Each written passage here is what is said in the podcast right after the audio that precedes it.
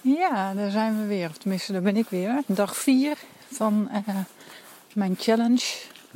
Een podcast opnemen tijdens mijn wandeling in het uh, bos. Want ja, waarom zou ik door het dorp gaan lopen terwijl ik ook een mooi bos uh, bijna in de achtertuin heb? Ik was op weg hier naartoe en ik merkte hoe relaxed ik eigenlijk al die podcast op ga nemen. Uh, dat ik niet meer de hele tijd bezig ben met wat moet ik nu gaan vertellen of wat kan ik gaan vertellen. Of, uh, ik merk dat ik gewoon, ik zet hem aan en ik ga praten en ik zie wel wat er komt. En ik kan vertrouwen op de inspiratie die ik krijg tijdens het wandelen. En ik moet zeggen dat ik nu eigenlijk ineens um, heel erg bezig bent met uh, de snelle koolhydraten. In de zin van, ik heb dat natuurlijk de afgelopen dagen een paar keer genoemd, snelle koolhydraten, dat je die beter kunt uh, vermijden. Uh, misschien is het leuk als ik daar iets meer over vertel, wat het dan precies doet. En wat de reden is dat ik dat zeg. Snelle koolhydraten, dat zijn uh, de koolhydraten die eigenlijk in alle kant-en-klare producten terug te vinden zijn. De snelle suikers, het koekje bij de thee of bij de koffie, snoep, chocola, alles wat je bloedsuikerspiegel heel snel omhoog brengt. En dat merk je ook gelijk. En uh, tijdens mijn studie was het wel een enorme eye-opener voor mezelf dat koffie daar ook bij hoort. Uh, ik had eigenlijk niet het idee dat koffie. Uh, ik wist natuurlijk wel dat daar cafeïne in zit en dat het allemaal uh, helpt om wat meer energie te krijgen. Maar dat dat zo'n impact heeft op je hele stofwisseling en op je bloedsuikerspiegel, dat had ik eigenlijk niet zo in de gaten. Het is zelfs een van de meest snelle bloedsuikerspiegelstijgers van, van alles.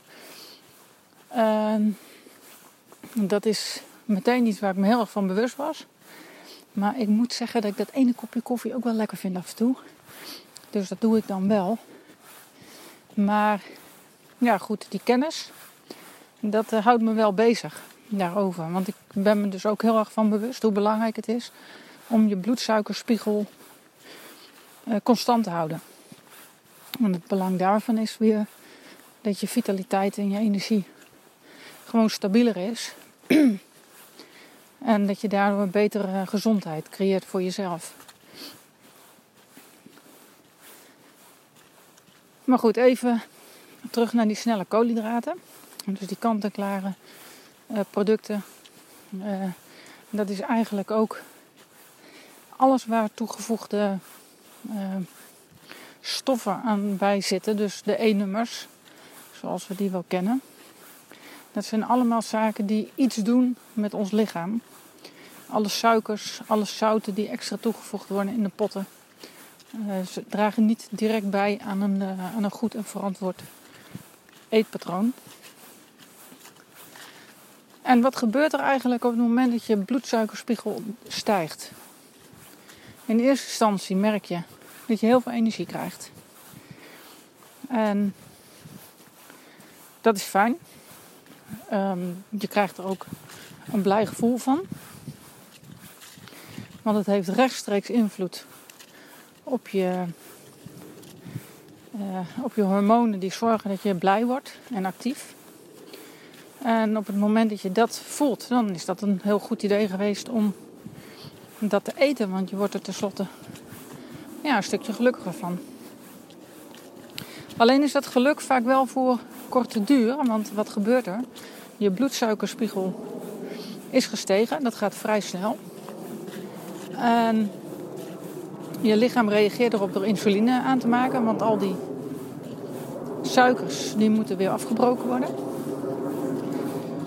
Uh, insulineniveau stijgt dus ook. En dat is een uh, behoorlijke belasting voor je alvleesklier.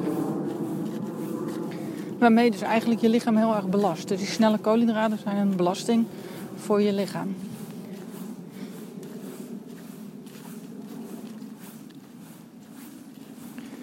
Ehm, op een gegeven moment dan uh, gaat die insuline dus, die wordt steeds meer aangemaakt, zorgt dat die suikers uit je bloed eh, verder verwerkt worden. En dan gaat je bloedspiegel ineens heel erg dalen. En die gaat onder het niveau, onder het gemiddelde niveau. En dat kan resulteren, ik weet niet of je dat kent van die suikerdips, of dat je uh, ineens heel flauw en slap voelt alsof je iets nodig hebt, suiker. Nou, dan is je bloedsuiker echt flink gedaald. En dat is meestal nadat je dus snelle koolhydraten gegeten hebt. En dat vinden we vaak ook wel een beetje raar, omdat we net dan best wel wat gegeten hebben. Dus hoe kan je dan alweer trek hebben of behoefte hebben aan iets? En hoe we dat vaak oplossen, is niet door een uh, bord groente te eten, maar we pakken nog meer snelle koolhydraten. En op die manier houd je eigenlijk je lichaam heel erg bezig met dingen die enorm belastend zijn. Nou, dit is een, um, ja, een beetje heel kort uitgelegd wat er precies met je lichaam gebeurt als je snelle koolhydraten eet. Dus de simpele vorm uh, wat ik nu vertel. Uh, dit is wel eigenlijk een beetje waar heel veel mensen in vastzitten. En dit is ook een visueuze cirkel. Uh, we zijn nu eenmaal gewend om veel snelle koolhydraten te eten. Brood is daar ook een voorbeeld van. Gewoon de tarwebrood bijvoorbeeld. Dat heeft een enorme impact op je bloedsuikerspiegel. Voor korenbrood al iets minder. Maar witbrood bijvoorbeeld, dat is heel erg. Uh, ja, dat zorgt voor heel veel schommelingen. En eigenlijk in het kader van je algehele gezondheid is het belangrijk dat je die bloedsuiker zoveel mogelijk stabiel houdt. En daarmee dus ook je lichaam zo weinig mogelijk belast. Wat dan, en dat kun je misschien ook wel voorstellen, en dat is ook logisch, ja, dat je daardoor een gelijkmatigere energie eh, voelt.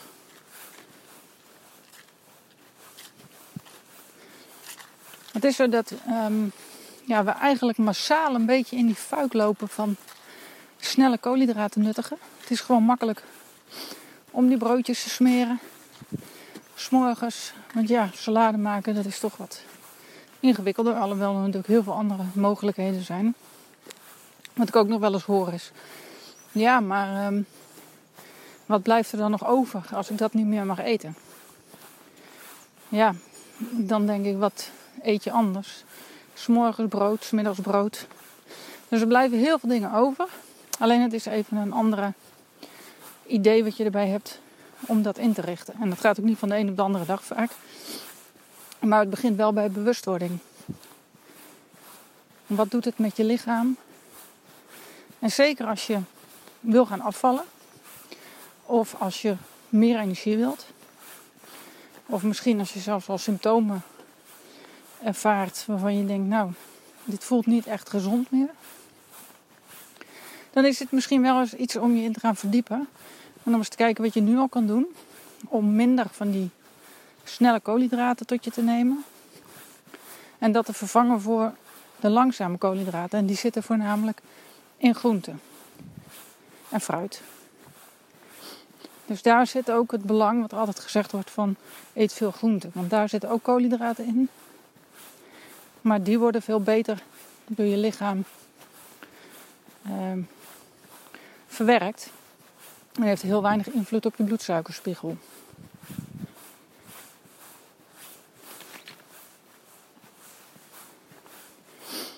Dat, uh, ja, dit is iets waar, uh, wat voor mij destijds wel een uh, enorme eye-opener was. Dat ik me echt niet realiseerde dat dit zoveel impact had. en dat ik nu bij mijn cliënten nog steeds uh, zie hoe lastig het is om die koolhydraten, die snelle koolhydraten uit het eetpatroon te halen. Um, in eerste instantie.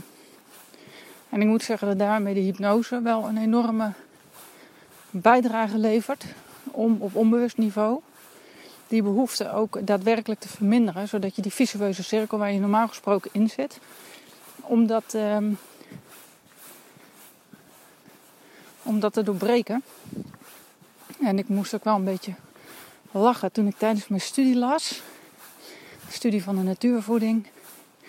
En dat dit soort patronen heel lastig zijn te doorbreken. En toen dacht ik, ja, dat is het eigenlijk niet. Het is eigenlijk heel makkelijk te doorbreken. Als je een combinatie maakt. En dat vind ik dan wel weer echt, daar kan ik dan echt heel blij van worden. Als ik dan denk van ja, ik heb gewoon het beste van twee werelden in mijn handen. En dat vind ik echt super cool. Om, uh, om dan eigenlijk dat relatief eenvoudig te kunnen uh, omdraaien. En dat is het. Als je gewend bent om de hele dag te eten, de mensen noemen dat zelf uh, dat ze een grazer zijn. De koeien die in de wei de hele dag staan te grazen, ze eten de hele dag door. En dat is eigenlijk ook een beetje het patroon. En van de overtuigingen, vaak emoties die erachter zitten. Om, uh, zodat je blijft eten. En ja, zij kunnen heel makkelijk, en dat is echt verbazingwekkend makkelijk, van misschien wel 8 tot 12 eetmomenten per dag terug naar 3. En dat is iets wat, als ik dat dan lees in die, uh, in die studiemappen, dan denk ik, ja, ik kan er een half jaar over doen om dat terug te brengen. Of je doet er één of twee sessies over om dat terug te brengen. Dat is toch wel heel erg gaaf als dat gewoon zo kan. En dat kan dus ook. En dat is ook het eerste waar al mijn cliënten eigenlijk naar teruggaan, naar die drie momenten. En het kost geen enkele moeite. En dat betekent dus ook dat je vrij snel die bloedsuikers gewoon stabiel krijgt. En dat je ook heel snel effecten gaat merken in je energieniveau. Want op het moment dat je die snelle koolhydraten gaat weren, of in ieder geval gaat, drastisch gaat verminderen. En je eet niet meer voortdurend, want dat voortdurende eten dat is een constante belasting voor je alvleesklier, want die blijft maar insuline maken. Op het moment dat je dat niet meer doet en je gaat terug naar drie eetmomenten, gezonde voeding, ja, dan zal je zien, en dan kun je denk ik ook wel voorstellen wat dat gewoon doet met je lichaam. En hoe blij je lichaam daarvan wordt. Want dat verbaast me over het algemeen wel. En ergens verbaast het me ook niet, want ik heb daar natuurlijk zelf ook bijna mijn hele leven tot een paar jaar terug mee geworsteld. Uh, hoe makkelijk het is om tegen jezelf te zeggen: Ach, dat ene koekje dat maakt niet uit. Of uh, ja, uh, dat kan toch niet zoveel kwaad. Nee, misschien niet als je er voldoende goede voedingsmiddelen tegenover zet. Maar vaak is dat niet het geval. En wat ik wel steeds meer um, voel en ervaar, is hoe belangrijk ons lichaam eigenlijk is. We zijn heel makkelijk in het, um, in het zeggen van, oh, als we maar gezond zijn. En gezondheid is het allerbelangrijkste. En als ik dan zie hoe we eigenlijk massaal slecht voor ons lichaam zorgen. Alsof het gewoon allemaal niet op kan. En alsof, ja, mij gebeurt dat niet of zo. Ik weet het niet. En misschien hoeft het ook niet te gebeuren. Ik bedoel, uh, er zijn genoeg mensen die worden heel oud terwijl ze ongezond leven. Maar ja, je zal maar de pech hebben. En als ik dan kijk naar hoe we wel vaak zorgen voor materiële zaken. Een auto, die gaat toch elk jaar naar de garage. Over het algemeen dan. En anders worden we wel verplicht met de APK. Om in ieder geval te checken. We weten ook dat een auto uiteindelijk oud en versleten raakt. Maar hoe langer of hoe beter we ervoor zorgen qua onderhoud gedurende die tijd, hoe langer we er plezier van hebben. En het lijkt wel alsof we die vergelijking met ons lichaam niet direct maken. En daar zit natuurlijk ook een systeem achter van ja, we hebben allerlei gedachten. Het is zo lekker, het is gezellig, het is leuk. Uh, misschien zelfs vanuit verdriet, dan pakken we die pot ijs maar weer. En we denken eigenlijk op dat moment niet na over de gevolgen. Dus het is heel erg korte termijn plezier en genot. En op langere termijn zien we dan wel weer wat er gebeurt. En vaak is het dan ook nog zo, als we dan klachten ontwikkelen, dan leggen we ook geen relatie met ons voedingspatroon. Want ja, dat is iets dat, ja, dat doet de pijn. Als jij op dat moment realiseert van ik had hier misschien anders mee om kunnen gaan, dan doet dat pijn en die pijn wil je niet voelen. Dus stop je dat weg. En komen er vanuit je onbewuste allerlei mechanismes die ervoor zorgen dat jij genoeg argumenten hebt waardoor het niet aan de voeding kan liggen, maar aan iets anders. En dat is ook ja, een zelfbeschermingsmechanisme. Want als jij op dat moment de volledige verantwoordelijkheid uh, ziet, dan, uh, ja, dan kan ik me voorstellen dat, je dat, dat dat heel erg veel pijn doet. Dus zo heeft dat onbewust een enorme invloed en impact op de gedachten. En sturen ze eigenlijk een beetje ons gedrag. Um, zodat we in ieder geval niet tot bepaalde inzichten komen. Want ja, als het te pijnlijk is, dan niet. Maar goed, het blijft een feit dat er heel veel te winnen valt. En ik heb daar zelf in mijn bedrijf ook lang eh, mee geworsteld, omdat ik natuurlijk uh, gespecialiseerd ben in de virtuele maagband. En uh, daar je, daarbij niet per se um, ook verstand of kennis hoeft te hebben van voeding. Maar ergens vond ik dat niet kloppen, want ik had zoiets van ja, maar goed, als iemand makkelijk van uh, stel acht eetmomenten naar drie momenten gaat, dat is al hartstikke mooi. Um, we gaan er bij de virtuele maagband ook vanuit dat, um, dat iemand heel goed weet wat gezond voor hem is. Nou, dat is niet in alle gevallen zo. Soms denk je dat je heel gezond bezig bent, maar blijkt dat niet zo te zijn in jouw specifieke situatie. Um, en, en dat is dan juist die toevoeging die ik wil leveren. Want ik geloof gewoon niet dat, stel, hè, je gaat terug van acht naar drie eetmomenten. En die drie eetmomenten eet je alleen maar kroketten. Noem maar even iets geks. Ja, dan zal je best wel even afvallen misschien in het begin.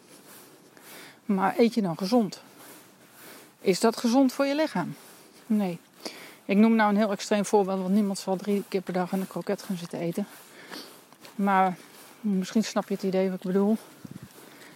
Um, is die, zijn die drie eetmomenten dan ook daadwerkelijk kwalitatief goed? En zorgen ze er ook voor dat ze jouw lichaam ondersteunen? Want um, met hypnose, en dat was eigenlijk een beetje mijn worsteling daarin, kun je natuurlijk heel goed dat onbewuste positief gaan beïnvloeden en zorgen dat die patronen die je nu niet meer helpen, om die om te zetten naar wel helpende patronen. Maar je hebt ook nog een lichaam dat wel voorzien mag worden van de juiste bouw- en energiestoffen. En ja, dat is gewoon een fysiek iets wat wel nodig is. En dat bedoel ik met als je drie keer per dag kroketten gaat eten, dan voldoe je wel aan de norm van drie eetmomenten. Dat is oké. Maar je lichaam heeft ook iets nodig. En dat wat jouw lichaam nodig heeft, dat vind ik gewoon een enorme toegevoegde waarde om dat ook te kunnen bieden. Omdat, ja, daar zit de mix. En dan ben je echt verantwoord bezig. En kun je echt stappen maken op alle gebieden. Dan ga je dat ook echt heel snel ervaren en merken. Nou, ik heb um, toch weer uh, een behoorlijke tijd kunnen praten over snelle koolhydraten en wat dat doet met je lichaam. Is misschien nog wel even goed, want ik gaf net aan dat ze zorgen voor die bloedsuikerschommelingen. En niet iedereen voelt die per se. Maar het is over het algemeen wel zo dat het um, op het moment dat je dat gaat minderen, dan zal je merken hoeveel meer energie je gaat krijgen. Terwijl je dat nu niet zo in de gaten hebt. En wat ook belangrijk is, is dat het een enorm effect gaat hebben op je stemmingen. Dus die energie die er vrijkomt door die bloedsuikerspiegel meer constant te houden, die zorgt er ook voor dat je ja, blijer wordt. En meer zin krijgt om dingen aan te pakken waar je dan nog meer energie van krijgt. En dat is, dit zijn eigenlijk, dit is eigenlijk een hele eerste goede eerste stap om dat eens te gaan doen. Dan kun je vrij makkelijk kun je dat proberen. Doe dat maar eens een paar dagen. Je zal merken hoeveel meer het je oplevert door dat zo te doen. En ja, ik denk dat dat een goede afsluiter is voor de podcast van vandaag. En ik moet zeggen, ik krijg ineens allemaal ideeën voor nog meer podcast. Maar goed, dat verdeel ik maar even, want ik ben nu ruim 20 minuten. Ik ga nog even een stukje wandelen. En dan ga ik weer verder met mooie stukjes uh, schrijven. Want dat vind ik ook enorm leuk om te doen. Nou, dan uh, spreek ik je morgen weer. Ik wens je nog een hele fijne dag. Doei!